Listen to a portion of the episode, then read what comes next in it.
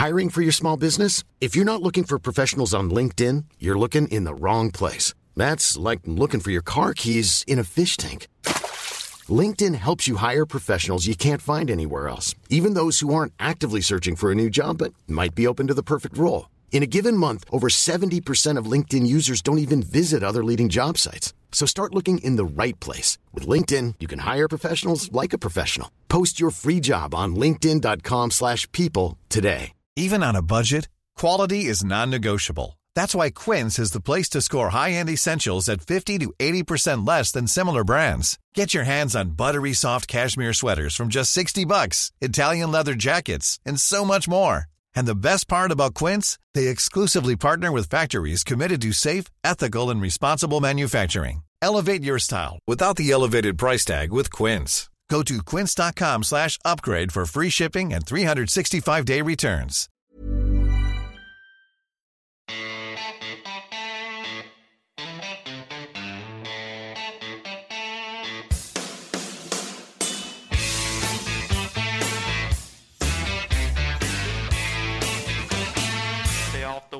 The.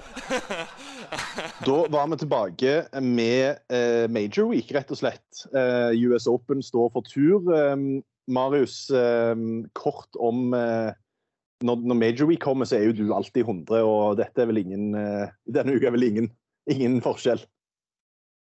Nei, det er jo ikke det. Oppladningen har jo ikke vært eh, noe særlig dårligere enn eh, noen gang, egentlig. Vi kom jo Nei. hit kanskje fylt med enda mer håp enn vi noensinne har gjort, med tanke på, eh, på Victor, da. Eh, så er det en del andre ting som danner et uh, nydelig lite bakteppe til turneringen. Uh, både med bane, sted, eh, dette livkaoset. verdens, altså verden, nummer én på verdensranking. her finnes det, det mye godbiter å ta tak i, men for vår del da, så er det jo helt soleklart at vi kommer med en, en brennhet spiller.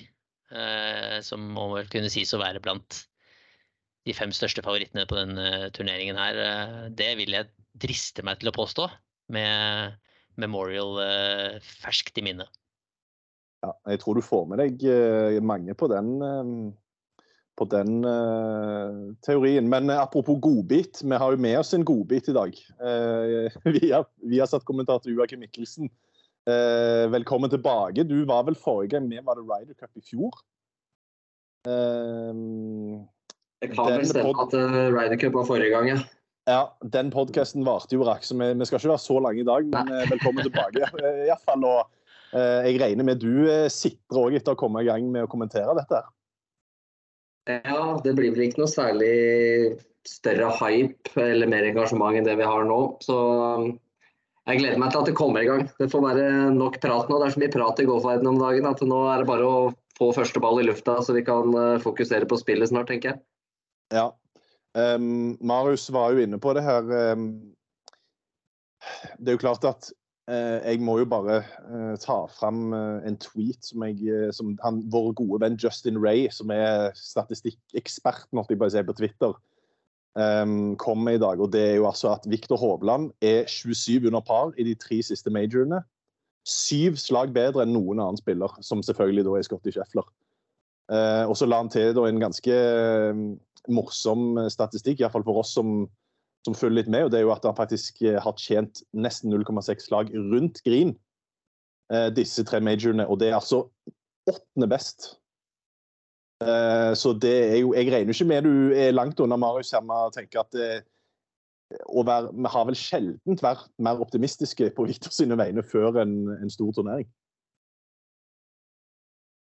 Har du sa, sa til meg nå? Nei, sa til Joakim.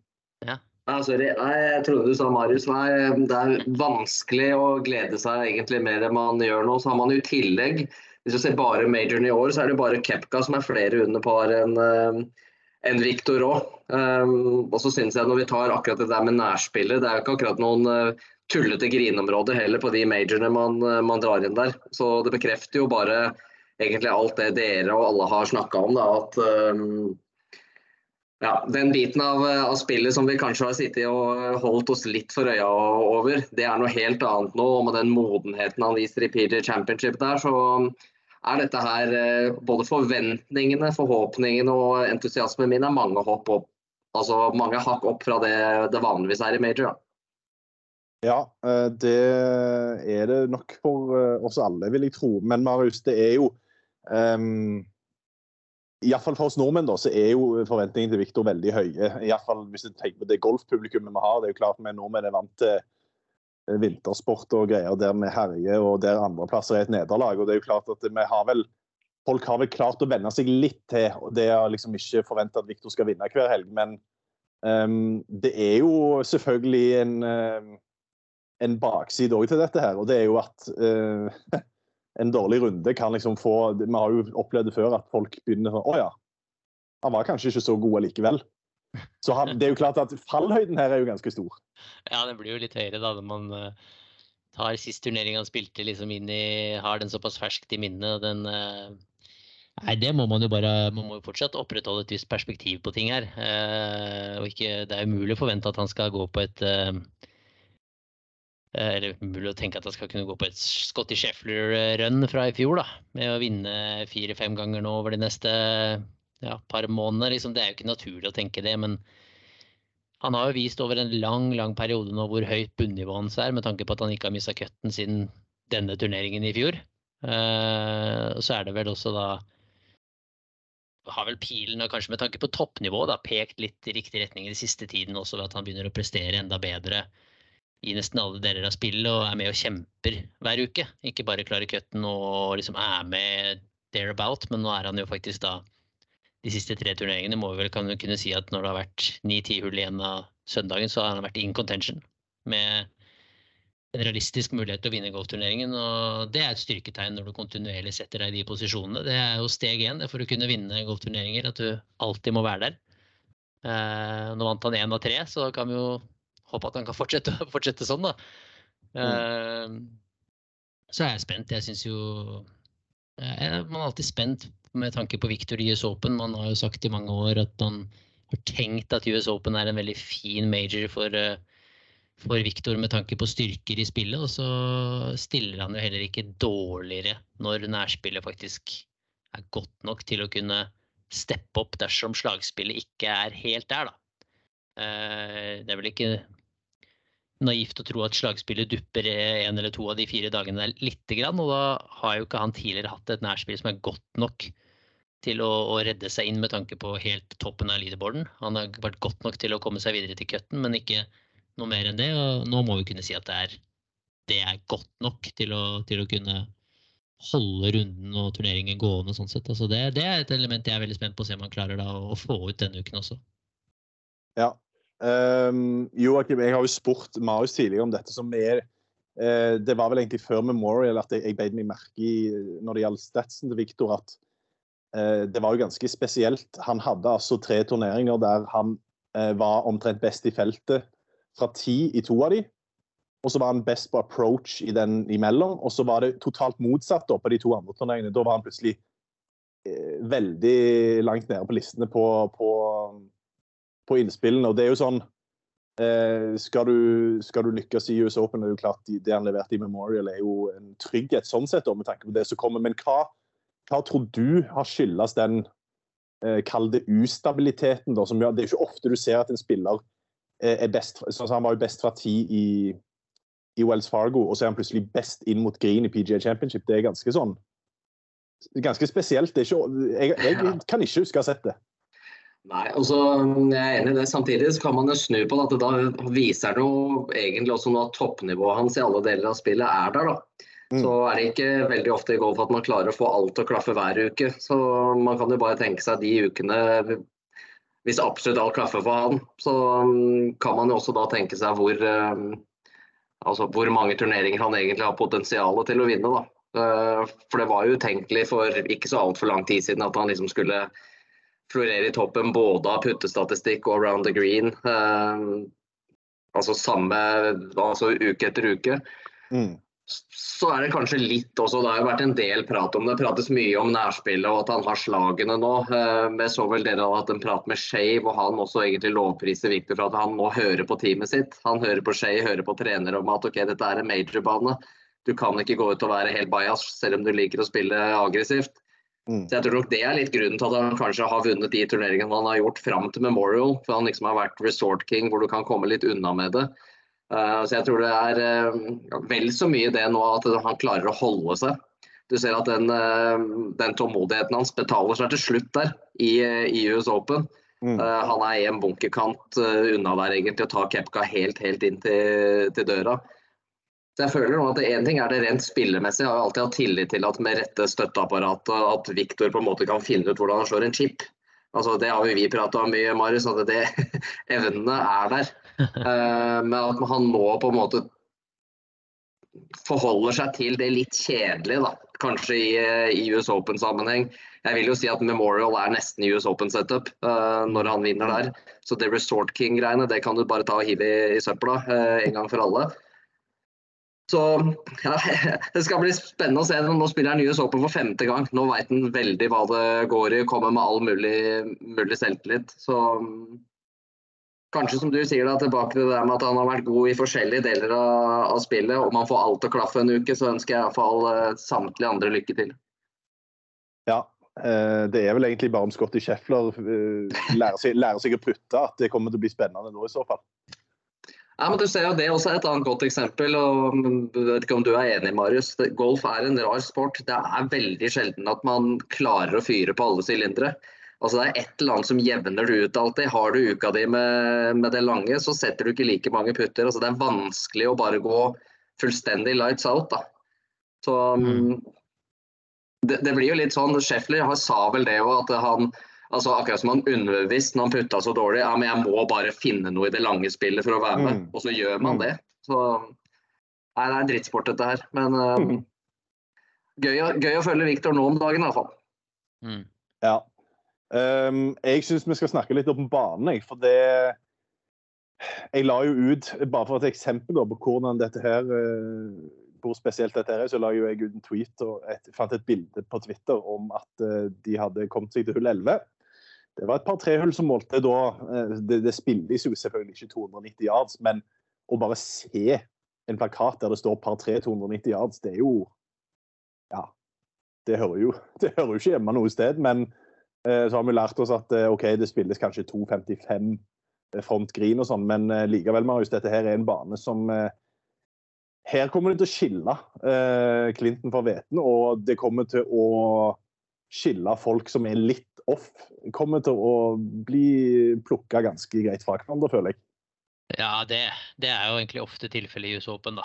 Eh, sånn som banen er satt opp. Eh, jeg må si jeg er veldig spent. Joakim har nok sikkert gravd enda dypere enn meg enn så lenge, men jeg er veldig spent på setupen, for man har lest veldig mye forskjellig. Man har lest om renoveringene, man ser bildene. Eh, den ser jo Beliggenheten er jo helt rå. Uh, basically liksom midt i LA der. Ser noen syke hull. Den virker til å, virker til å ha alt. Uh, den har lange hull. Den har et par trehull der som kan spilles mellom 83 til 140 meter langt. Du har et mm. drivebart par firehull. Du har tøffe par firehull. Altså, du har veldig mye. Så jeg er veldig spent på setupen. Og det lille jeg prata med Shay også borti Memorial, så var han også spent fordi, for å se hvor mye endringer det hadde vært når de hadde vært der året før og spilt. da, eh, kontra, kontra, nå. Han hadde hørt veldig mye positivt om at de hadde gjort noen små justeringer på noen fairways og sånt. Eh, men ikke noe bortsett fra det. Men jeg har sett noen bilder allerede om litt Bermuda-røff, og det er jo relativt interessant å spille ut ifra. Det, du, du, får det jo ikke mer uforutsigbart enn uh, Bermuda-røff. Da kan ballen gå i alle kanter. Og den kan legge seg akkurat hvordan den selv ønsker å legge seg i Bermuda-røffen. Så mm, jeg er veldig spent. Jeg syns den ser dritfet ut. Eh, jeg syns det ser ut som en skikkelig fet bane. Så jeg gleder meg til å se. Eh, og så gleder jeg meg til å se hvordan eh, setupen er. Og så tror jeg at stemningen og hypen og publikum og alt sånt kommer til å bli helt rått i LA. Det tror jeg blir en ordentlig fet US Open-turnering sånn sett også. Joakim, du nikker her. Det... Ja. Jeg har vel sjelden, hatt, uh, har vel sjelden gleda meg mer til å se en bane enn uh, sånn som jeg gleder meg til å se hvordan LA Country Club kommer til å spilles. Én ting er elveren, som er 290 yards, så snakker man ikke om hull 7. Det er 284 yards. et annet Mm. par trehull. Det havner bare i skyggen. Det spilles ikke like mye nedover heller. Um, personlig så hater jeg jo sånne milelange par trehull. Jeg syns det er eh, latskap, egentlig, fra, fra designeren sin, eh, sin side. Men her vet jeg at det spilles nedover. Det, Det, av en eller annen grunn her så sitter jeg og gleder meg til å se de lange par trehjulene nå. Jeg så den du la ut der, og jeg har lest mye og sett alle sånne flyovers om banen eh, mange ganger. Så ble jeg med en gang jeg ser det, så ble jeg sånn faen, altså. Her kommer det et sånt milelangt partrehjul. Spillerne hater, publikum syns det er tull. Men akkurat i dette tilfellet her så er jeg litt spent på å se hvordan de spilles, i og med at de er nedover. Det er mulig med sånne altså, det er sånne sluser du kan lande tidlig og rulle den inn. Mm. Så kanskje spilles det ikke like dumt som sånne utgaver av, som vi har sett tidligere. da. Pluss også at du har Ulf 15 som Marius er inne på, hvor det ryktene går i at det plutselig en dag kan spilles 80 yards. Mm. Da blir det sånn, hva, hva skjer nå? Da, da, da må spillerne liksom Det er vanskelig, føler jeg, da, å komme inn i en rytme på en bane hvor det, er, hvor det skjer så mye rart uh, hele veien. Men det er jo litt det han designeren, han George Thomas, var kjent for. Det de Mm. kalte det vel for, eh, for engelsk for halvpar. Mm. Du har et uh, litt à la Han designa Riviera, altså litt à la tieren på Riviera. Hvor alle kan drive green, men så har du en green som er helt katta. Altså Hvis den blir lynrask og blir uh, US Open hard, så kan du stå og spille flipperspill fram og tilbake over green der uh, i evigheter. Så um, Nei, jeg tror dette blir helt rått. Og det at det er i LA og midt i Beverly Hills. Jeg tror det kommer til å bli en, en ganske spesiell ramme rundt det. Og så er det jo da, eh, som alltid, tror jeg grinene. Hvor brunt blir det, hvor hardt blir det, det er jo det som kommer til å diktere eh, hvor tøft det blir. For det er en del ganske sånne små områder på grin hvor det kan bli litt sånn à la tieren på Riviera, hvis det blir veldig hardt og, og veldig tørt. Og da er vi alltid på grensa, begynner spillerne å sutre om at du har mista banen og sånn. Det er jo en del av, eh, av US Open. Så tror ikke jeg, selv om USGA la ut noe, jeg har sett noen andre videoer, det virker ikke som at de har klart å vokse opp den Bermudaen så ille som det kunne ha blitt Mm. uh, midt på sommeren i Los Angeles der. Så det kan hende at røffen sånn sett kanskje ikke er like ille som den pleier å være. Uh, og så er det jo ikke Bermuda, dette er første gang på nesten 20 år at det er Bermuda i US Open nå. Det pleier å være spilt på mer altså Kentucky Bluegrass eller Rye, da, som er mer som det vi har her hjemme. Så det er mye rart egentlig rundt dette her som blir, uh, som blir spennende å se. Og så mener jo han Stuart Haggestad, han der yndlingsamatøren til alle som har spilt en bane en million ganger, at han har en spådom at banen kommer ikke til å bli så tøff som mange tror og enkelte håper. Så får vi se da hva USGA gjør. Det er jo alltid show.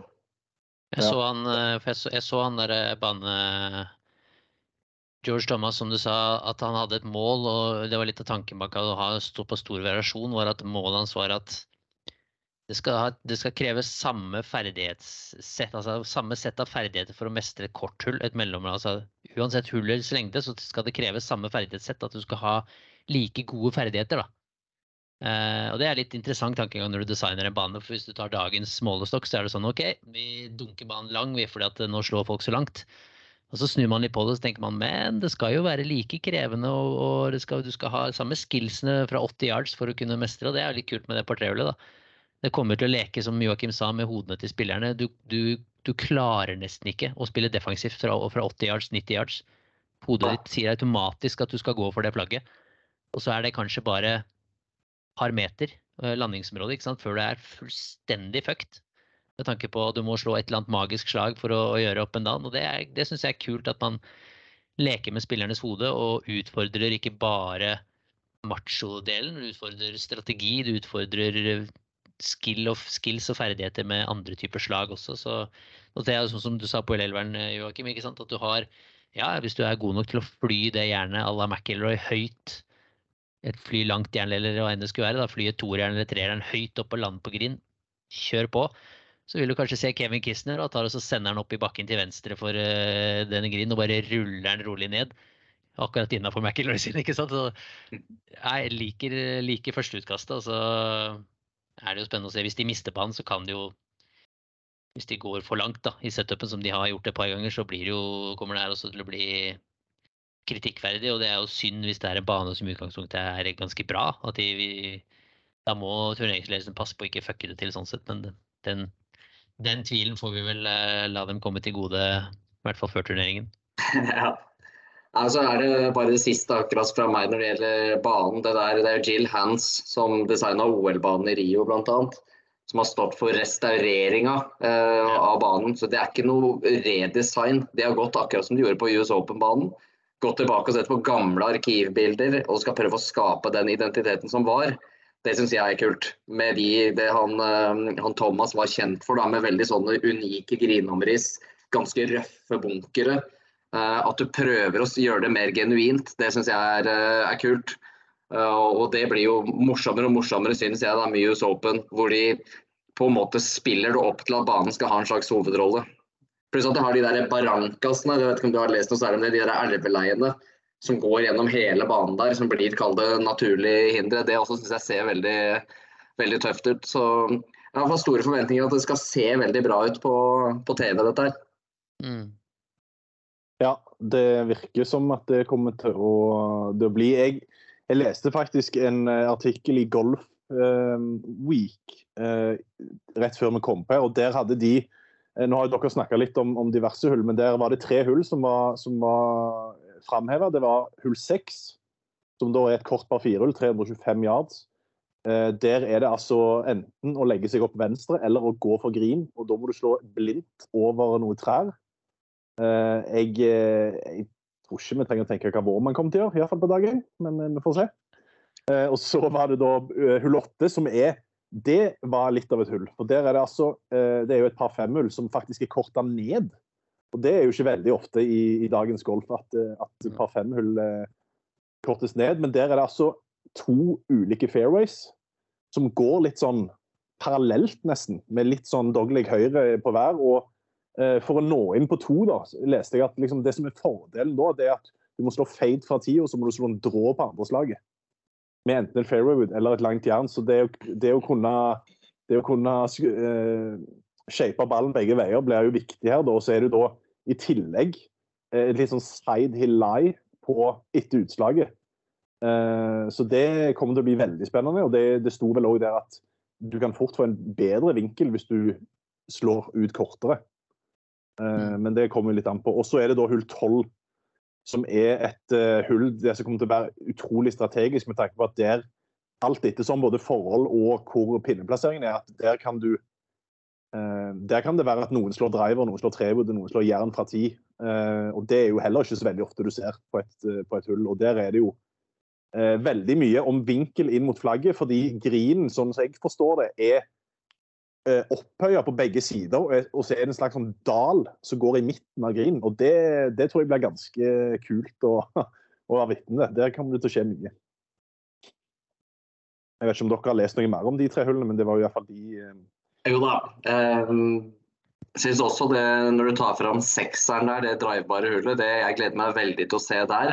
At det er jo nærliggende å tro at eh, ja, men ok, det trygge her er jo å legge seg opp. Mm. Eh, der tror jeg også selv de som slår kortere og pleier å spille konservativt, kommer til å få mye å tenke på der. Fordi hvis du legger deg opp da, og tenker at jeg er god med vegene mine, så er den grinen så lite dyp i spilleretningen at du prøver å slå en wedge inn til en steinhard grin. Ender du opp da med ett sprett i bunkeren lang, så plutselig så ser du på dobbeltbogey på et hull under 300 meter. Så det mm. virker liksom strategien der er å gå for grin, håpe på, om du ikke er så heldig å treffe grin, at du kanskje havner i bunkeren kort. Så I den eh, jeg håper å si, bomberverden man kanskje har havna litt i, da, så virker det som at dette her er altså, Du kan ikke heller bare sette deg ned på Google Maps, plukke det fra hverandre og si liksom at sånn er det. Det er så veldig mange veier til, eh, til rom her. og ja, jeg håper, eh, håper Molinari er på jobb og at, at Skei og Victor legger en god plan her. For her blir det, sånn som jeg tolker det, det kommer til å bli mye tenking her. Og mye kan koke ned vel så mye på valg som evnen din til å slå slag. Da. Det syns jeg er kult. Ja. Um, det, da blir det jo ekstra interessant å se, Marius, fordi um, det som kanskje var, som dere har vært inne på, som var kanskje den største utviklingen til Victor, ikke, bare i, i, Memorial, men også i PG Championship, var jo hvordan han på en måte seg oppførte seg på en søndag. At han var, han, han var så mye mer tålmodig. Han gjorde kall det gåstegn, de litt kjedelige valgene som han gjerne ikke har gjort før. Eh, tror du det at han nå Jeg sier ikke at han har fått en liten sånn reality check, for det, det, har, det så brå kan du kanskje ikke være. Men OK, nå vant han Memorial på å spille i gåstein da, litt kjedelig golf og litt uh, gå for det safe. Tror du det kommer til å bli en større gjenganger nå i tida framover for han? Med tanke på at OK, han ser at det faktisk funker. Uh, eller tror du vi får litt sånn miks av gode, gamle, gale Viktor uh, her og der? Jeg tror hvis han Hvis um, tallenes tale tilsier at her skal du være aggressiv, så kommer han nok til å gjøre det. Uh, han lener seg veldig på Molinari og, og de tallene, uh, så det, det, er jeg ganske overbevist om. Men du får ikke noe bedre bevis uh, enn han fikk på Memorial. Nei. Med tanke på å, å, være litt smartere i hvordan du gjør. Og jeg hørte jo dialogen på siste runden på hull nummer ni. Da sto jeg jo liksom bare tre meter unna han og Shay. Mens de sto når han dro utslaget venstre uh, til pinnen bak høyre over vannet på ni på Memorial. Så var, jeg tenkte jo ikke i det hele tatt at han skulle, at han skulle slå seg fram. Det var 140 meter til green, liksom. Og ballen lå ganske fint til litt nedover der. Så jeg tenkte ja, han kommer til å bare slå den her opp venstre, altså worst case bunker. Men da var jo liksom ganske kjapp dialogen til Viktor dit hen at det er kanskje det smarteste at jeg bare pitcher ned på flata. Nå skjer bare jepp, helt riktig. Og så gjorde de det uten at jeg egentlig rakk å tenke over det. Så det er jo helt klart at mindsetet hans har endret seg litt. Og det kommer jo fordi han selv ser at uh, Ja, vi fortalte jo den historien på 13. der på var det lørdagen hvor han slår han ut i skauen. Og så sa vel jeg på sending til Per og Henrik der at uh, det er en luke her, men det er den luka som uh, de dumme profesjonelle golferne ser. altså det er en luke der, men det er egentlig ikke en luke der. så, og så endte han vel med å skippe seg ut og la han opp til en tap-in par, og så sa vel Shay that's a smart par, Victor, og så svaret var vel bare FU tilbake fra Victor. Så, så han får jo bare beviset på at liksom ja, det er alt til sin tid. Inne, innimellom så må man være aggressiv, og du kan ikke bare gå og kose deg rundt en US Open-bane på bakbeina. Du er nødt til å tørre å angripe den banen. Mm. Er det en pinneplassering som tilsier at du skal gå for den på hull nummer seks, det korte drivebare, så skal du gjøre det. Så i hvert fall når du driver ballen såpass bra vanligvis, da skal Victor kunne stole på det. Så må man ta de riktige valgene, sånn som jeg syns han gjorde fint på Memorial. Var pinneplasseringen sånn som på hull tre der. Nå slapp han billig unna på siste runden, men det er, det er, den pinnen han kan gjøre det på. Uh, bak høyre der, da kan han gå opp mot hull fire og ta den shortcuten, hvis man skal kalle det det. Det kan han ikke gjøre på pinnen kort. Da, så, så det er jo det som man, jeg, jeg, føler at de har tatt et steg sammen. Og som Mikkelsen sa i stad, liksom, med tanke på å, å lytte litt mer og, og, være litt mer oppmerksom og ikke bare tenke at man har det riktige svaret selv. Men, og det kommer jo av Hvis du gjør det positive erfaringene kommer av det, så, så er det jo lettere å stole på det. Så jeg, jeg, tror, nok vi, jeg tror nok han jeg tror ikke han et, kan få et bedre bevis enn han fikk for uh, halvannen uke siden nå, eller, eller litt over en uke siden på å spille litt mer smart aggressive, da. Hvis man skal ja. kalle det det. Nei, jeg må vel eh, dessverre innse at det, det får ikke så mange av de situasjonene lenger der Shay bare himler med øynene og ser på meg, og halve, halve publikumsskaren står bare og ler av Viktor sine køllevalg. Den kom på 16, da. Ja, det gjorde han. Den kom der, da sto han bare og skaplo når han sendte den på flagget bak venstre der, ikke sant. Så den kom. Skulle du si noe, Joakim? Nei, jeg skulle bare egentlig eh, legge til det du sa. Han sier det jo egentlig i intervjuet sitt. Det var jo mange av dem etter Memorial. Uh, man sier bare hva sa, 'Feel like I don't have to strike it to death'. Mm. det syns jeg var godt å høre. For selv om vi ikke er inne i hodet til Victor, så syns man jo ofte på de litt tøffere banene, uh, hvor man på en måte Da ser det ut som man har hatt litt for lyst, da. og valg har liksom Det har vært litt preg av at han må makse ut absolutt alt hvis han skal vinne noe. Det er den følelsen jeg sitter med fra utsida. Mens nå har jo han fått beviset for seg sjøl at nei, jeg kan spille tålmodig. Jeg kan ta noen litt kjedelige, tålmodige valg, og så er jeg bare god nok til å gjøre nok birdier til å redde en par her og der til at det holder. Så den tryggheten føler jeg at han har fått da sikkert. Altså det skyldes jo at nærspillet har blitt bedre òg. Eh, for kanskje er det en grunn til at han har følt det tidligere. Men eh, det virker jo som at det eh, da kanskje har gått opp et lys. Men så er jeg også enig med, med deg, Marius. Eh, både håper og tror at når han spiller litt lettere baner i andre turneringer, at vi får litt Julius Golf fortsatt. For det, enkelte ganger skal man vinne på de lettere banene, så må man jo det. Mm. Men ikke i type PJ Championship, US Open, banen til Jack, så er det, noe annet, da. Så må vi tenke på at de siste Jeg tror den søndagen i PGA Championship også løsnet veldig mye for han. Med Mm. tanke på at han har vært sett litt grann sånn Hva skal man prøve å finne riktig ord? Sett litt uh, defensiv ut, liksom. Når han har gått ut på søndagen og ikke turt å, å spille helt det spillet vi han har gjort kanskje foregående dager, eller som han vet at han burde. Uh, Men liksom tråkket litt kjapt på bremsen, da. Eh, superpositiv i, i PGA. ikke sant? Det er bare ett lite slag som skiller han fra, fra Cupca. Han- starter jo helt sjukt der, og han bare svarer med en gang. Og det er ikke mange som gjør, altså. Nei, Den gutsjekken der for meg var også helt ekstrem. altså. Kepka i alfamodus, det blir på en måte ikke verre enn det. En søndag i en major. Og måten han hang med på der, da var jeg litt sånn Ja, OK. Det, han kan se snill ut og smile og røre, men var det folk som sa at eh, er, han er killer, liksom. Så Ja. Ja, det, det, det så man i Memorial også. Som jeg, det snakket vi om Espen forrige uke. og som Man ser godt ringside.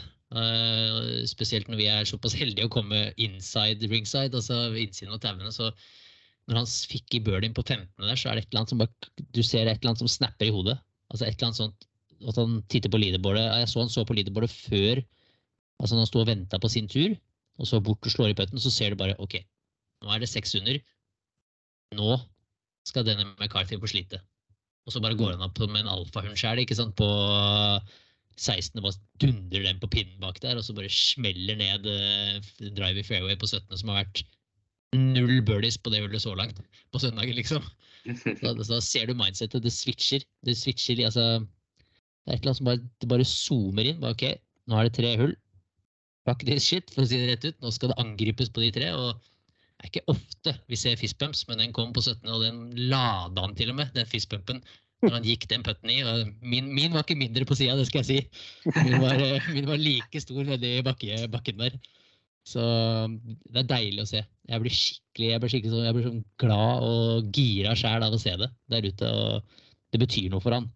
Det, det er det ikke noe tvil om. og Man føler at han er, kan være litt sånn tilbakeholden på følelsene sine, og det er jo en god ting veldig mange veldig mange ganger. Men eh, ja, det er deilig å se han også fistpumpe hele veien inn der fra 16, 17, 18 og playoffen. Altså, du ser det betyr noe. Steget er raskere. Nei, det var det. Det tror jeg at mye av det tror jeg kom fra PGA Championship søndagen. Eh, ikke bevisst, men jeg tror liksom det at han, Han sitter og kan, venter eh, på, han sitter og venter på omspillet kommer. Jeg, da ble jeg gira. Så ser du bare OK, let's do it. Ja, ja. Det er bare sånn, Ikke noe bullshit her. Nei, nei, Mr. McCarthy, her må, du, her må du bare komme, liksom. Men eh, Ja, vi sto inne i det rommet vi sto inne i rommet der. vi. Vi sto jo, jeg sto jo, altså Du ser ikke i kamera, men jeg står rett til venstre for Skje der idet den beskjeden kommer, liksom. Og jeg var liksom litt på vei bort og bare skulle si liksom 'kom igjen, gutta'. Og de var, kom før meg, rett og slett. Så ja, det var ganske, han var ganske lax liksom når vi kom inn der. Og jeg gikk bort og sa liksom 'strålende jobba', det, det er ikke over det her, liksom. Og en liten fistbump bare 'nei, du skal få kjempe på veien her', sa liksom Victor eller et eller annet sånt, han eh, McCarthy. Og så, som du sa, så er det bare rett opp av stolen. Bare rett ut på ranchen. Fire-fem baller. Og så bare gikk han i sånn målbevisst marsj ned til den bilen på 18 og bare OK, kom igjen. Og så tror jeg det var til og med det verste som kunne skje for McCarthy, det var at Victor trakk det loddet om å drive først. Det Mm. tror jeg helt oppriktig. Jeg tror det, det verste som kunne skje for McCarthy, var det. Det beste som kunne skje, det var at han kunne få lov å gå ut først og liksom bare puste, sette ballen i fairway. Og så må du liksom ut rett etter en kar med all momentum. All positivitet. Han er så klar og bare får dundre den driven ned i fairway. McCarthy ser jo ikke at han legger seg litt sånn kinkig inntil, inntil fairway-kanten der, men da må han liksom opp på det vanskelige hullet der og min må treffe fairway. Så nei, det var eh, som du sier, der var han rett og slett på. Den, den mentaliteten er herlig å se, da. Det, det er det som kommer til å vinne flere turneringer eh, når han står der med Scotty Sheffler eller John Rahm eller eh, hvem det skulle være, så, så må man rett og slett kunne bare legge det til side. Det er bare å se på Djokovic kontra Ruud, det altså. På søndag. Bare du må legge det til side. Mm. Bare nå er det deg mot meg. Du skal ned.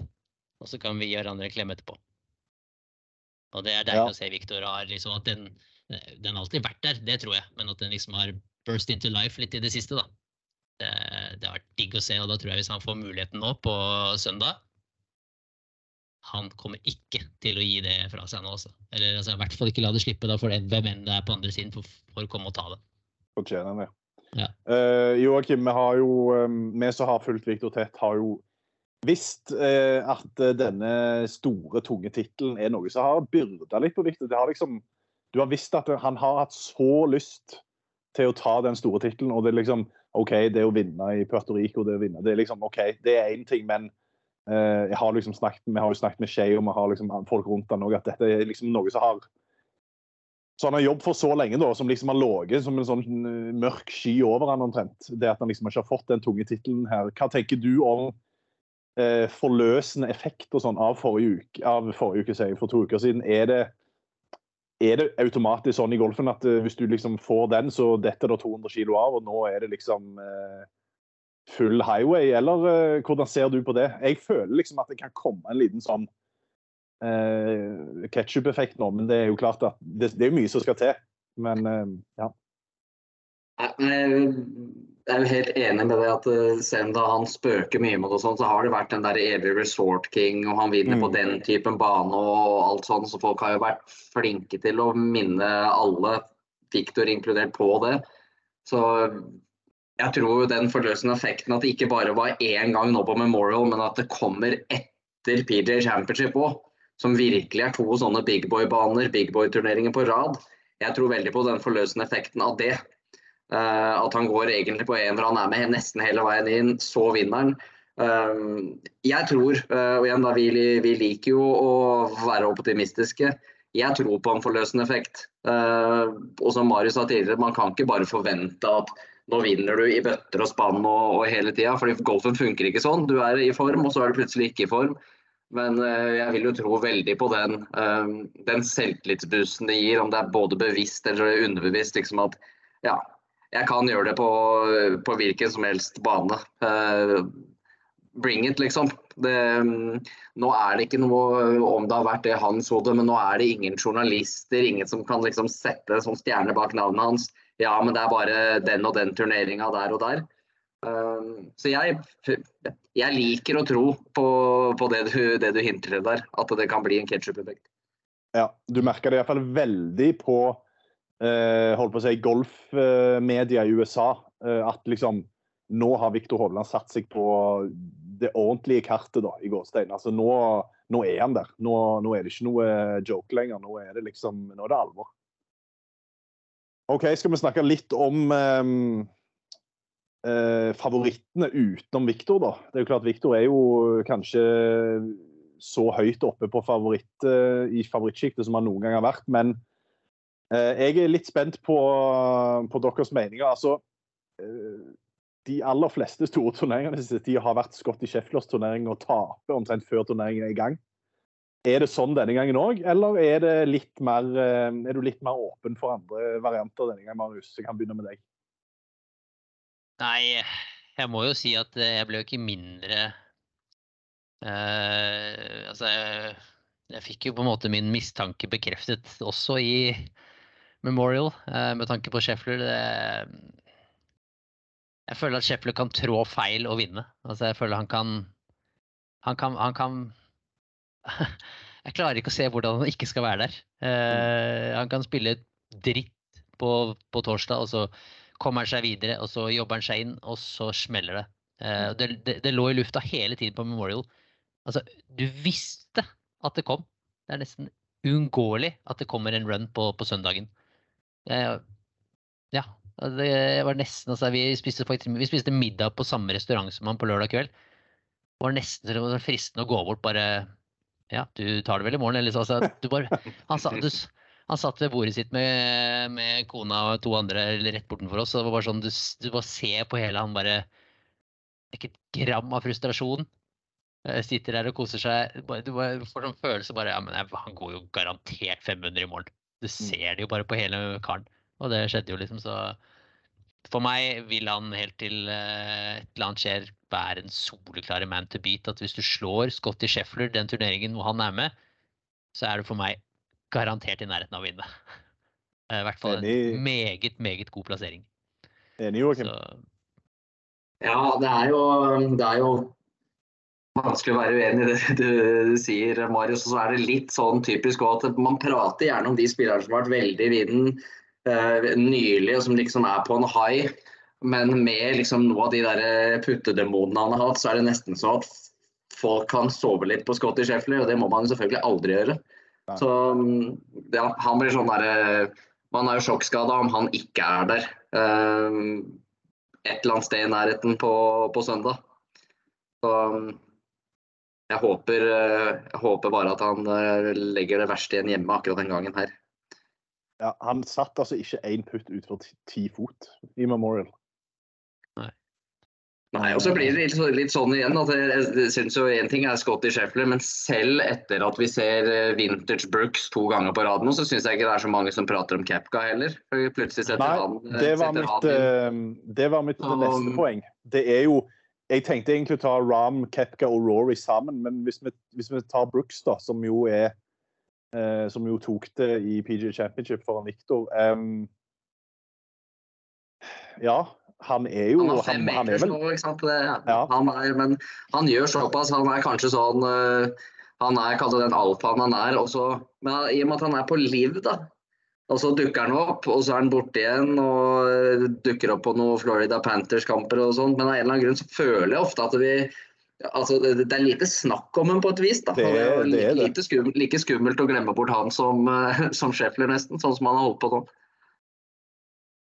Ja.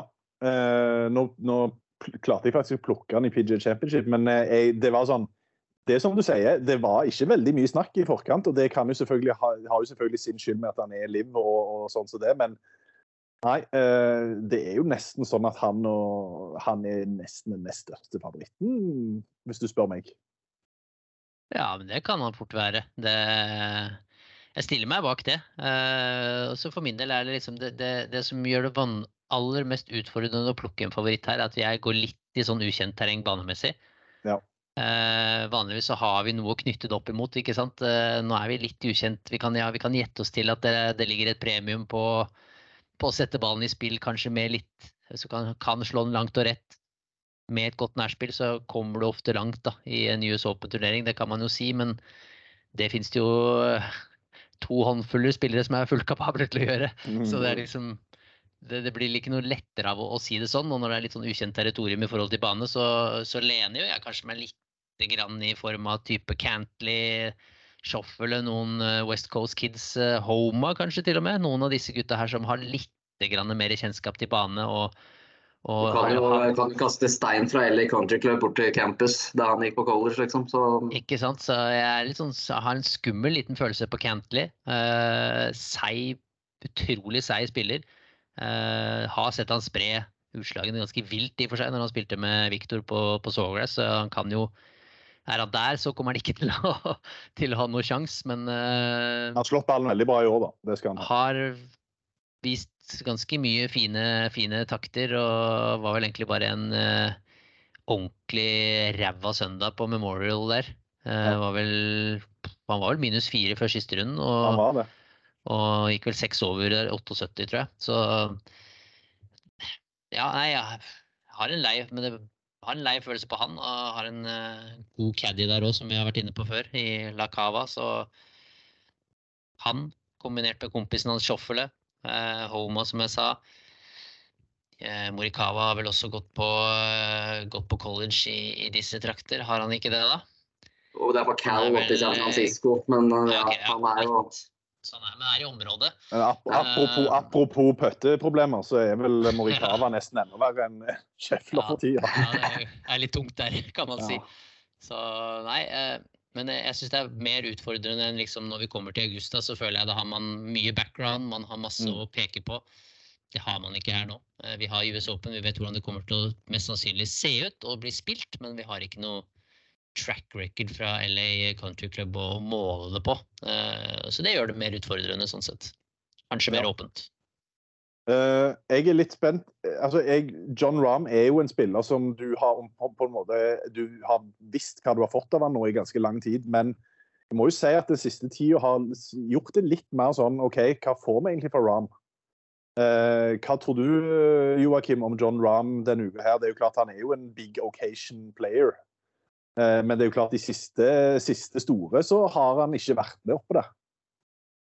Så er det liksom med, med sånn spiller som Ram og litt sånn samme at uh, når han har det toppnivået han har, så er han litt borte en periode. Og så plutselig så kommer han i gang her, og så er han helt i det umulige hjørnet igjen.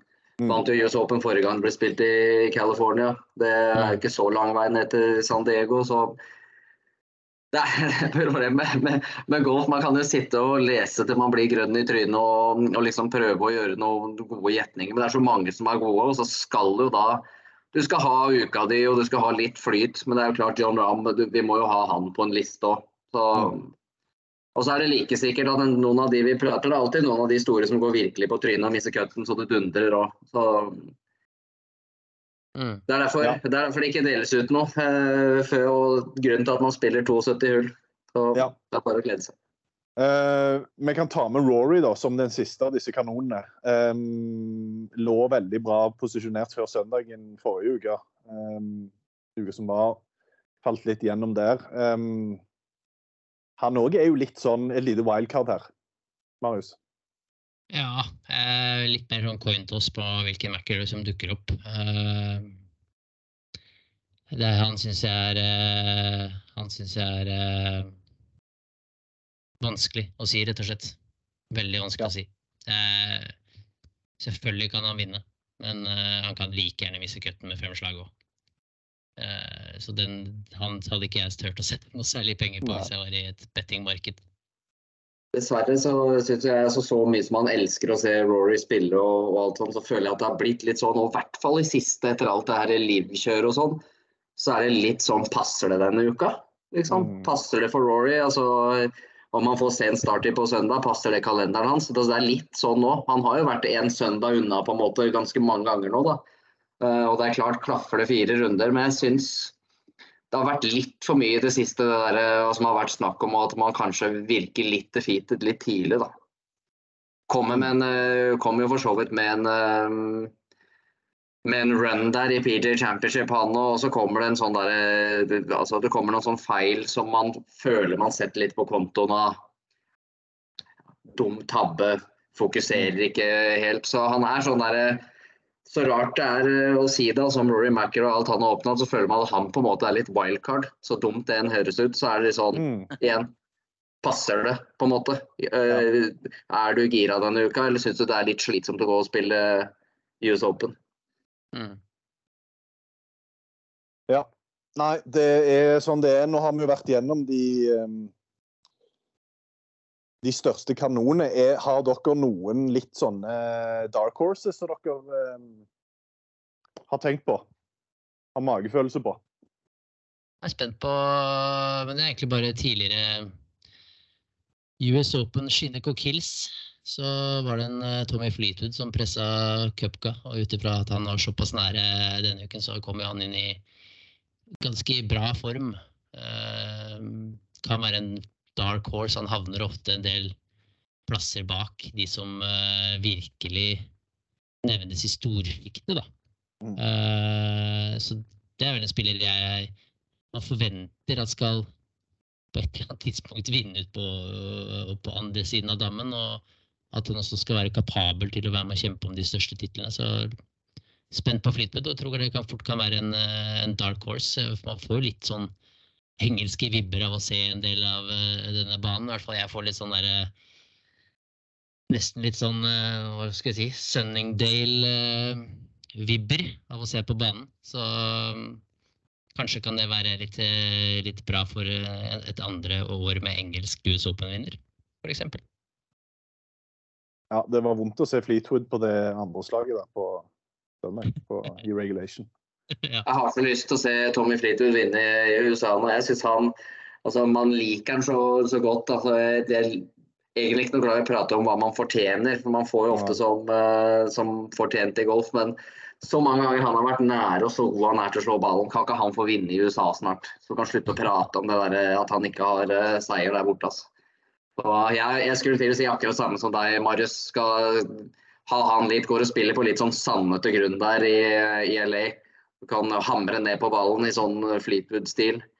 Mm. Så har vi vel sikkert ikke vært innom holdt på å si eh, spring break-crewet. Du vet jo aldri om noen av de våkner til live der heller, med den Jordan og JT og hele det, den gjengen der, da. Så det, det, det er jo noen, men det, er jo vanskelig. Det er vanskelig å kalle sånne Altså, hvor setter du grensa da på, Mm. for hva som kan være en dark horse? Altså store stjerner. Allerede kalt McIlroy nesten et wildcard her. Det, blir kanskje litt vel safe. Ja. Ja. Nei, uh, Justin Thomas jeg skulle bare si det, han har altså opp mot fem, han har over 50 odds på visse bookmakere. Det har jeg aldri sett før. Han i en turnering. Det sier vel litt om, uh, om den perioden han er inne i. Jeg uh, har notert meg hatten, jeg. Det er jo kanskje litt biased, men han viser jo, altså senest forrige uke, hva potensial han har. Eh, nå er jo det store problemet at det blir som regel andre fire stabile runder. Eh, pluss et par blow-ups. Um, og så er det kanskje mer at jeg er spent på, men òg hva Bryson kan få til. fordi han viste jo eh, i store deler av PGA Championship at han er på riktig vei. Eh, nå er det jo eh, nå er det jo, Dere har jo sa- sagt det, det er vanskelig å si ut ifra banen, i og med at han er såpass ukjent. Eh, og Bryson er jo, er jo ikke en sånn som er en perfect fit for alle baner. Eh, det må vi jo si. Så det blir spennende. Men Bryson Jeg håper eh, håper kanskje ikke at han vinner, men jeg håper han kan være med å sette preg på turneringen. For det, det er litt sånn å ha med Bryson og Brooks eh, inn i helga, iallfall. Det, det syns jeg er fint krydder. Ja, så har du jo livkompis eh, Cam Smith. Det er vel også Ja.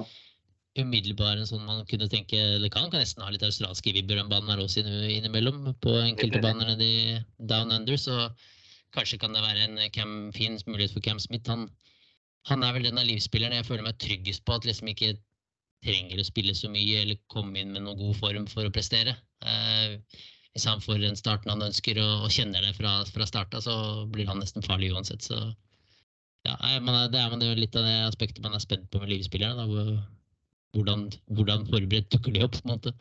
Ja, gjør det. OK. Eh, skal vi komme oss videre, eller har, det, har dere noen siste ord med tanke på US Open? Jeg føler vi har dekt mye. Dekt mye. Ja, vi har dekt mye, så det får holde for denne gang. Jeg lurer på om jeg skal ta en kjapp tur noe rundt deg før vi går på spaltene.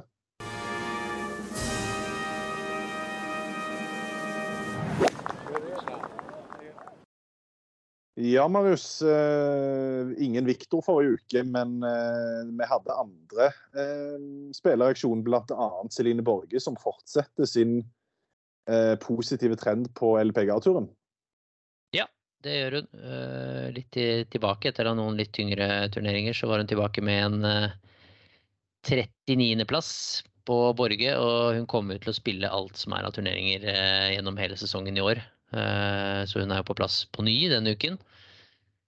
Eh, Ventura mistet cutten, men han gikk minus fem da, på, på to runder, så det er lave scorer på Corn Ferry-turen. Mm. Eh, Bare kjapt om altså- Corn Ferry. Ja. Uh, husker du vår venn Josh Teeter som tapte ett slag for. Victor og begynte å grine i Puerto Rico? Ja, Det samme mer, skjedde. han har mer å grine for. Fytti grisen, jeg syns synd på han. Det er bare noen det ikke går for, rett og slett. Så Ventura mista cutten, han er på plass i Kansas. Ingen norske klarte cutten i Scandinavian Mixed. Eh, litt merkelig at eh, Krog ikke kom i den turneringen, i og for seg. Det syns jeg var litt rart. Men han eh, gjorde ikke det. Han er nok på plass igjen neste uke i eh, München. Elias mista cutten på Challenge Tour. Der er Reitan, Elias og Jaran på plass i Tsjekkia denne uken. Vi har seks jenter på start i Tyskland på Ladies European Tour.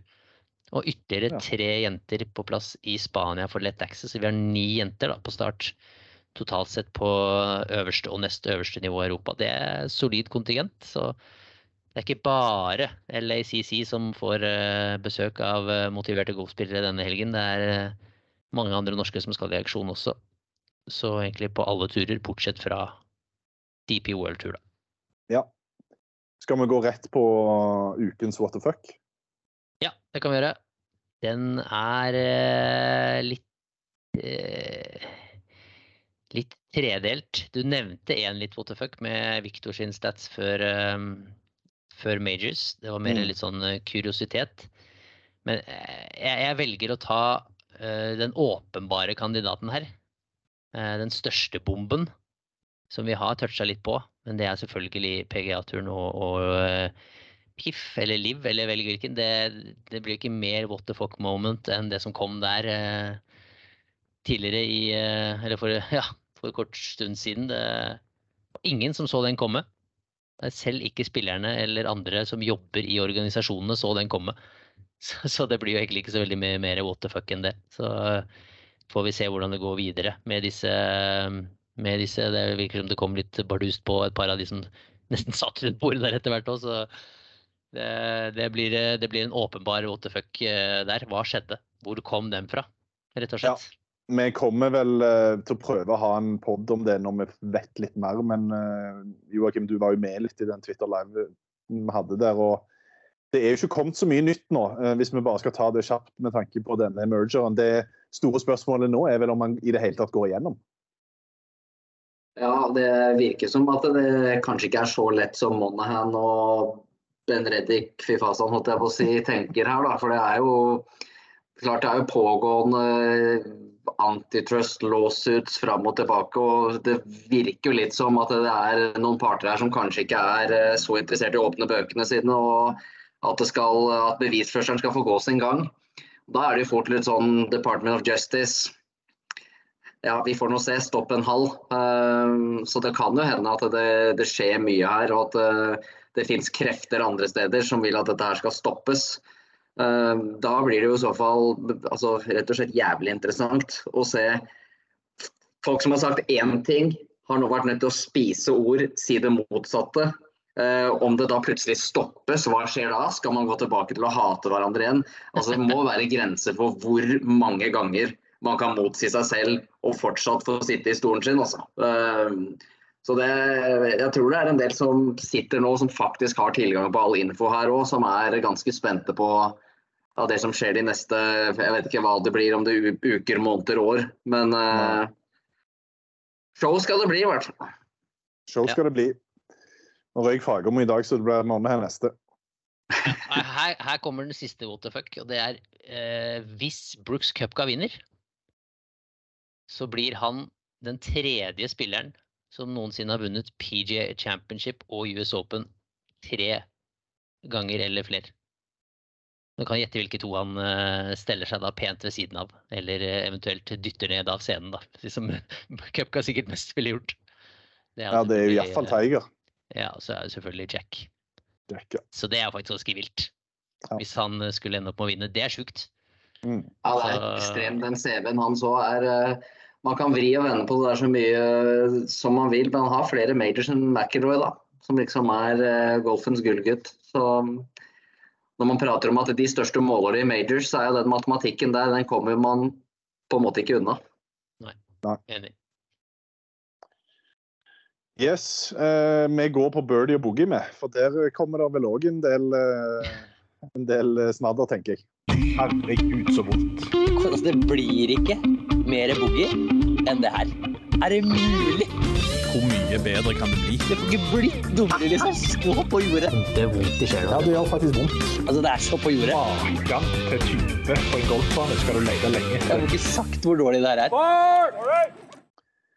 Uh, vi kan la gjestene starte. Uh, Joakim, du kan gå først der, for. Eh, jeg er spent på om vi har noe av det samme òg. Det kan jo godt være, men eh, ja. Jeg uh, må jo ta det, det, åpenbare. Vi kommer sikkert til å være innpå mye av det samme som på What the fuck. Uh, det er masse ting vi ikke veit her, og, og, mye fram og tilbake. Men uansett hvor du vrir og vender, hvordan du vrir og vender på dette her, så vi kunne jo egentlig tatt det så bredt som å ta, gi bogey til profesjonell herregolf.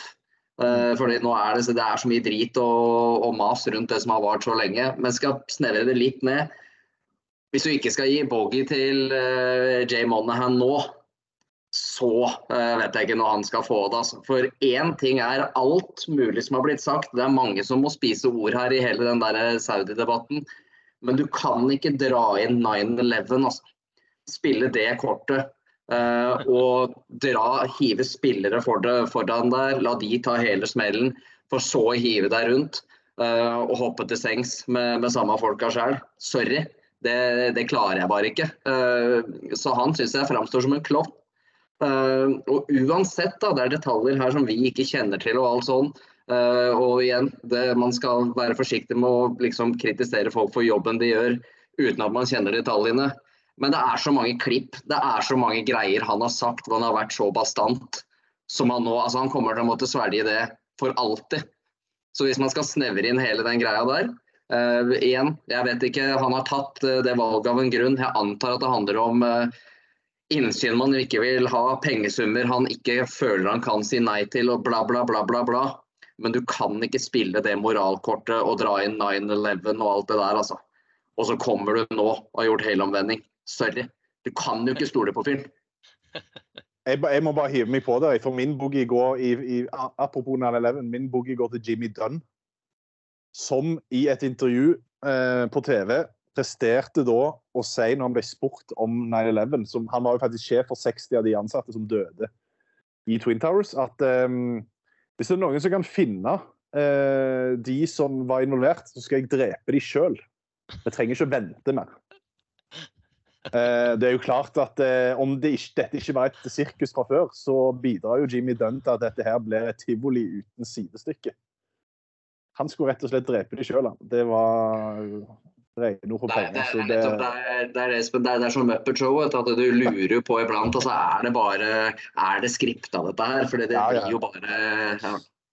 Det er betryggende å vite. Det er betryggende for alle som er medlem av Pegatoren å vite at dette er gutta som styrer trappa, liksom. Ja, det er liksom den ene kanonen løser den andre. God jul, altså. Det, ja, jeg vet ikke, hva har du? Jeg, jeg har en, da, bare en liten sånn, hvis jeg skal ta baksiden av Bogey-medaljen her. Jeg vet ikke om vi kan gi i samme debatten. Um, om ikke Bogey, så er det i hvert fall uh, par på kort par femhull. Til uh, midt i dette her, intervjuet i Canadian Open så sier Chesson Hadley at han vil gjerne bli rewarded for sin lojalitet. Altså, Den der òg syns jeg var Da har du ikke lest rommet, altså. altså no offense, altså, han er på PGA-tur, men jeg ikke noe sjekka da det kom ut. Altså, Han er nummer 291 i verden. Han har mista 11 av siste 16 cutter. Og så blir det sånn derre så, Jeg vet ikke hvordan du skal si det. Si du er dødkjøttet på kontoret, da. Og så kommer konkurrerende firma og prøver å hente stjerna. Men så sier han nei, får kanskje krydra egne betingelser eh, litt. Og så skal du komme etterpå da liksom Ja, men da vil jeg også ha bedre betingelser, fordi jeg er lojal. Altså, sorry, altså. Vær fornøyd med at du får en bit av den kaka som Victor, Ram, eh, Rory og co. baker. Det der var fullstendig bak mål. Jeg, jeg lurte et øyeblikk på om det var kødd, altså. Men uh, dere så vel det samme, antar jeg? Ja, det er nesten sånn at uh, jeg håpte Rory kom inn fra sida og sa sånn han sa til Grayson Murray på det spillermøtet, at uh, shut, shut up and get better. Ja, ja det, Ja. Nei, jeg har ja, det var, det var hadde- runner-upen min. Hvis jeg, jeg tenkte tilfelle hvis jeg blir nekta å ta den åpenbare, så måtte man ha noe bakom. nei, nei. Her tar Her er, alt det, her, vi får. her er det fritt fram. Og uansett, husk alltid at hvis du ikke har noen, så kan du bare si Patrick Reed. Ja, Ja, det er fast regel. ja, ikke sant? Det er greit å vite. Jeg, jeg tar min eh, boogie, og så går jeg rett over på birdien samtidig, for den, de Ja. henger sammen. Eh, så boogien går selvfølgelig til denne security guarden, Mm. eh, som da klarer å prestere å takle Adam Hadwin på vei inn for å feire eh, den første seieren i Canadian Open fra en canadisk spiller på hvor mange år var det? Oh, 69 eh, år, kanskje? ikke 69 år, ikke sant? Eh, Så Mm. klarer han å prestere og, og sende Hadwin i bakken. Det Han skal, ha, han skal ha for det at det er- var en jævlig det var en takling en NFL-spiller kunne vært stolt av. Det var solid. Det var Det- takla. Jeg er enig i det. Det er, det er birdien. Fordi det er, jo, det er jo fantastisk manøvrert. Når du ser det i slow-mo, så bare manøvrerer han seg rundt Taylor og Cadditt, sniker seg opp i blindsonen. Og bare tar jo Ad- Hadwin helt på overraskelsen der og bare meier ned. Så selve taklingen er jo nydelig utført. Ja. Men, eh, men selve at du ikke vet at Edwin, Adam Hadwin er en kanadisk PGA-spiller i Canada som skal feire kompisen, det, det er jo soleklart boogie. Eh, og så må jeg krydre birdien i etterkant av dette Mm. til US Open. Som da har hengt opp i garderobeskapet. Nå tok du min birdie. Nei! da, da, skal du få den. den. Da, da skal, nei, da skal du få den. Da, skal du, min bird, da kan du følge opp med, med, med den, faktisk. Følg Ja, opp. det, jeg, jeg, trodde, jeg trodde ikke du skulle ha den i tillegg, altså. Det, Å, jo, ja, det her, her hadde jeg lagd et nydelig lite løp. Men da, kan, nå, har jeg, nå, har jeg, nå har jeg liksom tatt imot serven, lagt Ja. opp til smashen, og så kan du få lov å smashe. Ja, for når Adam Hadwin kommer til lokkeren sin i US Open, så, får han, så møter han en, eh, først og fremst en lapp. Uh, glad you're feeling better and made the trip. Your safety and security are our utmost priority. We're here to support you and ensure your well-being.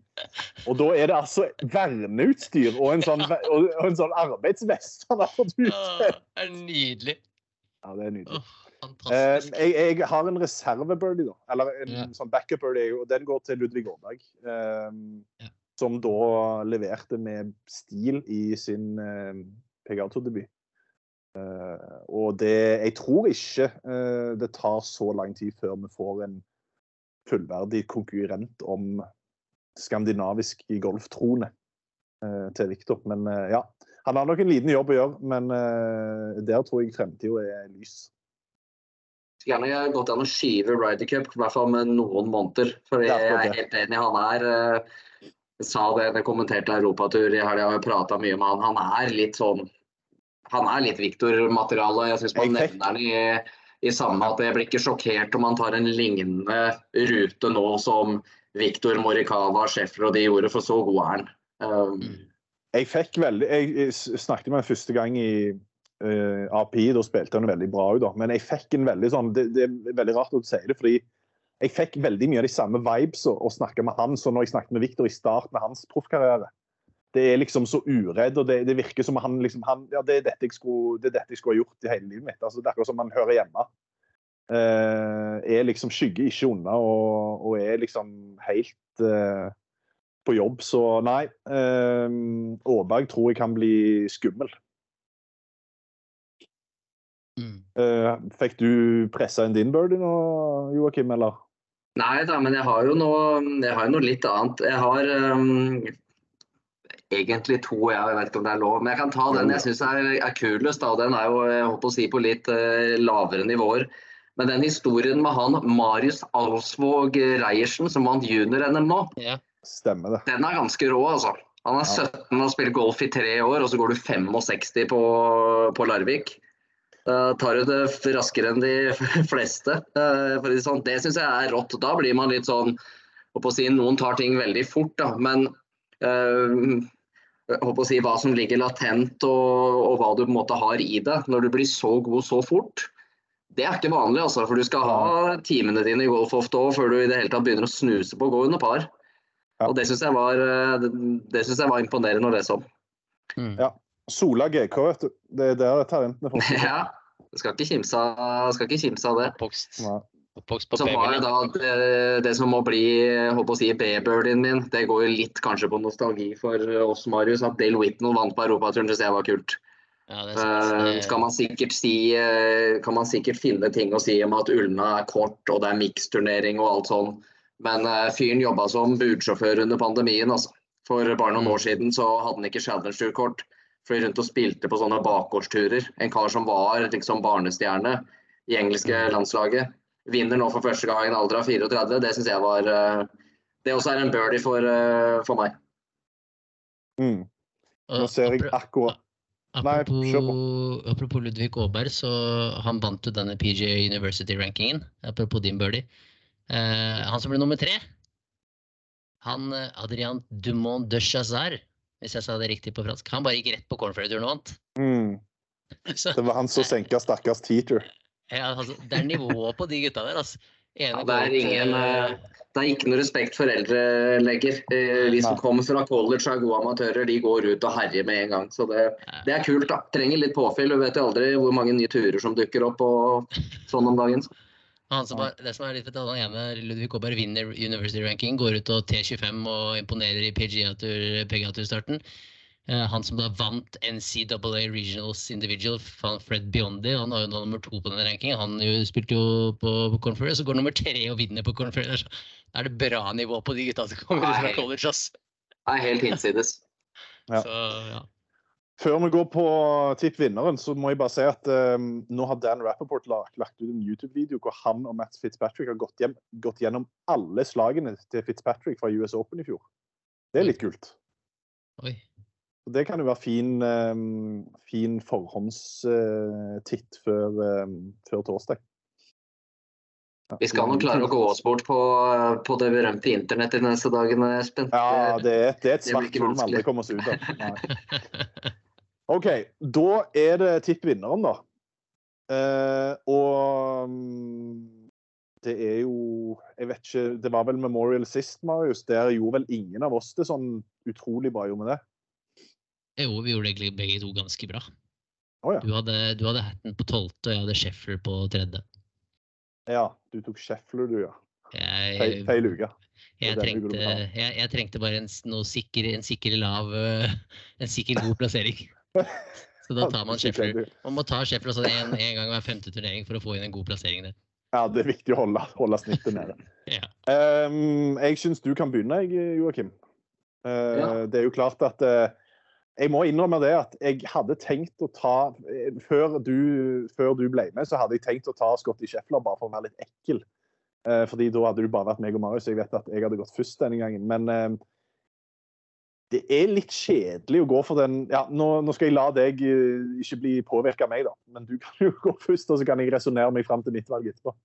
Ja, da. vi har jo vært innom en del av uh, favoritter og, og sånn, så jeg kan jo prøve å ta det så kjapt som mulig.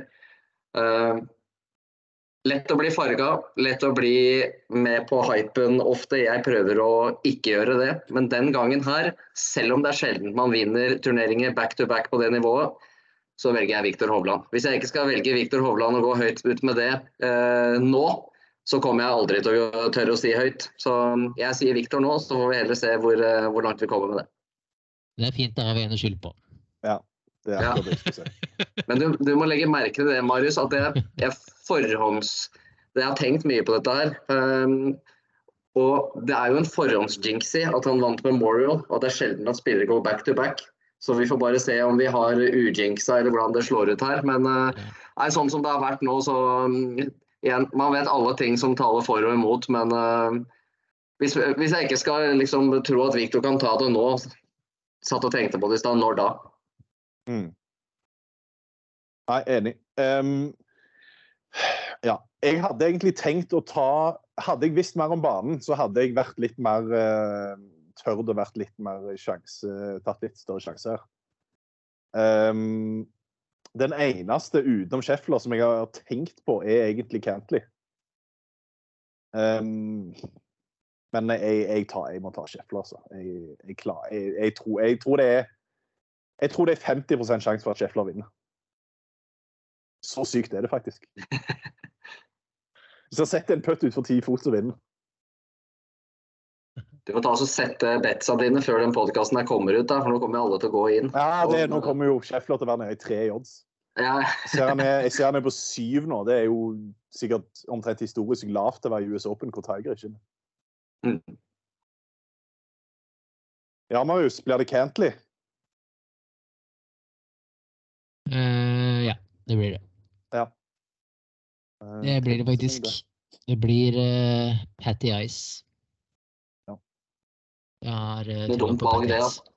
Nei. Jeg har troa på Patty Ice. Jeg må gå for det jeg hadde tenkt når du sa Canton. Og tenkte nei, selvfølgelig, men så Ja, nei, jeg, jeg hadde faktisk tenkt jeg, jeg prøver jo ikke å være så kjedelig, men jeg, jeg klarer ikke å se forbi Scheffler. Så det, Nei, nei, jeg kjøper den 100 Nei, jeg, jeg, tror, jeg, er fornøyd med at jeg tørde å gå Brooks forrige gang. Eh, Ja. Eller tørde og tørde, men at jeg, jeg, at jeg hadde såpass magefølelse på det. Nå Ja. har jeg liksom ikke magefølelse på det. kan jo være litt pga. at vi ikke kjenner den banen, som sagt. Men eh, nei. Får bli det kjedelige denne gang. Cantley er fin, den. altså, Den føler han nesten spiller hjemme der og gått på Mm. UCLA og Vi får se.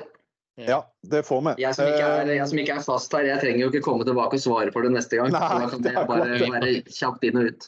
vi får vi, se. ringer, vi ringer deg i neste podkast hvis Victor mister cutten. Ja, Det blir fint. Da Da blir det lang helg i, i bua òg. Ja, deilig det. Eh, hvem er det du har med? Har du med deg noen denne uka her? Du, Planen var å ha med Espen, som jeg hadde forrige gang, men han var forhindra. Han uh, spiller jo ikke, men han er bortreist. Uh, okay. Så da er det tilbake til bare meg, enten folk liker det eller ikke. Så, sånn, uh, sånn blir det. Så Ja. Planen er vel at Espen skal være med da i, i The Open og Ryder Cup. Men Ja, det blir bra. Jeg fant faktisk ut at jeg, jeg skal faktisk til The Open um, fant jeg ut forrige uke. Så det blir kult. Hvilke dager er skal du til The Open? Jeg skal alle dager. Si Du òg skal ned? Ja. Uh, og så skal jeg faktisk til Ryder Cup òg, ser det ut som. Så det kan bli, det kan bli rått. Um, vi kan jo avslutte med sendetidene, hvis du vil proklamere litt for Viasat. Viaplay her, Joakim. Har, har de kommet, og hva er de i så fall? Ja da, de har kommet. Det er uh, lite å få gjort med at de spiller på, på vestkysten. Ja. Um, Men vi går på klokka ni. Det vises også på TV3 pluss den gangen her, da. Hovedsendinga. Ok. Eh, Så det går litt eh, bredere ut. Men sendetidene er Ja, vi, vi får kalle det det. Det er i hvert fall fra 21 til 05.00 de tre første dagene. Er, eh, er sendetidene, er det vi har fått i hvert fall. Og så er det én time tidligere fra si, Det høres jo kjedelig ut med åtte til fire, men det er da fra åtte på kvelden til fire på natta på, på søndagen. Eh, og så har vi ikke fått noe, noe enda da, selvfølgelig, før det har kommet start Jeg vet ikke noe om uh, hvem og hvordan og sånn i feature groups, men uh, det kommer vel noen andre feeder òg. Ja. Du var jo inne på det før vi gikk i gang med opptaket her, men det har vel, jeg har opplevd det sjøl òg. Det har vel sjelden vært mer trykk på eh, Hvor er det Oi, Skjedde det kom, noe? nå kom T-Times. Oi, oi, oi, for en timing. Akkurat nå kom Tea Times. Skal vi se. Skal Hovland, vi se. Og Ram. Hovland Sjofle Ram. ja. 8.24 fra ti nummer 10 på torsdag. ja, den er, lukter vel eh, Det er en såkalt feature group, hvis du lurer på det. Nei da, det er kult. da. Jeg kom jo det akkurat. Men bare for å fullføre det du sa, Espen. Ja, det er, eh, det er mye trøkk rundt Viktor og alt sånn. Det er eh, Vi er heldige, da, som får se han gjerne i disse ekstrafeedene hver, eh, hver gang nå. Ja. Og så får vi bare håpe han, eh, håpe han leverer. Hva var det du sa, Marius? Jeg prøver å lete her, men eh, 8.24. Cupka Matsuyama McIlroy. Matsuyama får plass der, altså. Yes. Litt overraskende. Det er vel pga. Det Uh, Japan setter- Crowd. De setter bort, de setter bort Liv-spillerne lite grann. Uh, DJ, Keith Mitchell, Sam Burns. Cameron Smith spiller da med Sam Bennett og Matt Fatch, altså Hughes Amateur og Fitzpatrick. Mm. så det er jo da Mikkelsen fem for Det blir jo da Keegan Bradley. seks er det- minutter på halv seks for oss det da på, um, på torsdagen. Ja, ja, det var jo helt nydelig at vi fikk det rett i fòret her på live. Ja. Ja, det var perfekt. Perfekt. Nei, det blir lange netter, så det er bare å snu døgnet. Eh, Det er vel oppfordringen.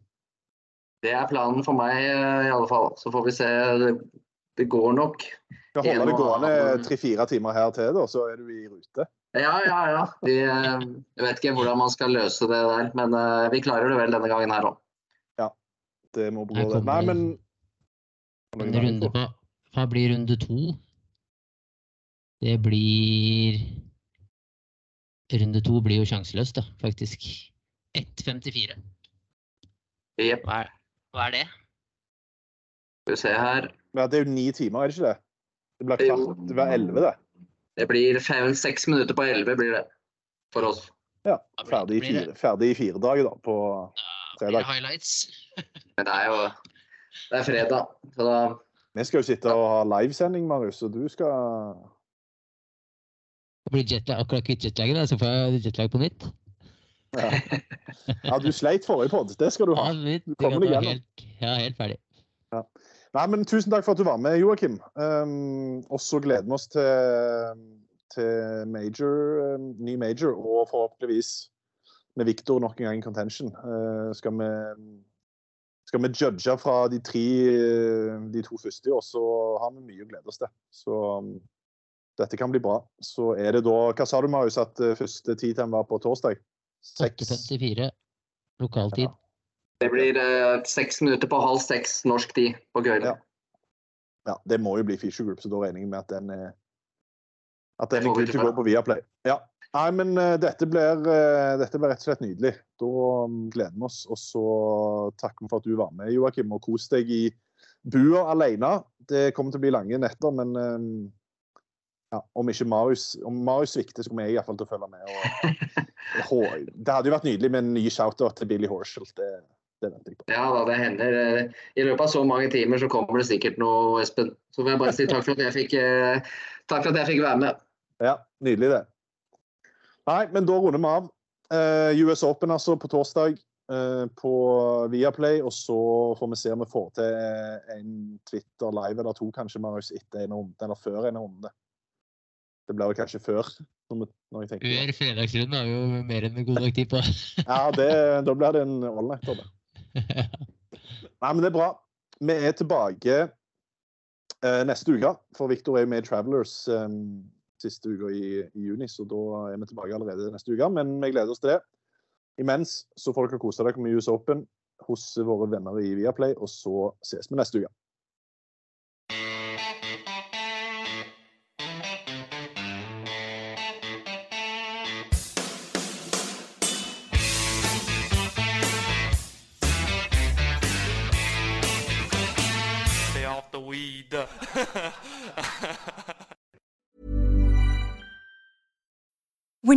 Mealtime inspiration, it's worth shopping Kroger, where you'll find over 30,000 mouthwatering choices that excite your inner foodie. And no matter what tasty choice you make, you'll enjoy our everyday low prices, plus extra ways to save, like digital coupons worth over $600 each week. You can also save up to $1 off per gallon at the pump with fuel points. More savings and more inspiring flavors make shopping Kroger worth it every time. Kroger, fresh for everyone. Fuel restrictions apply.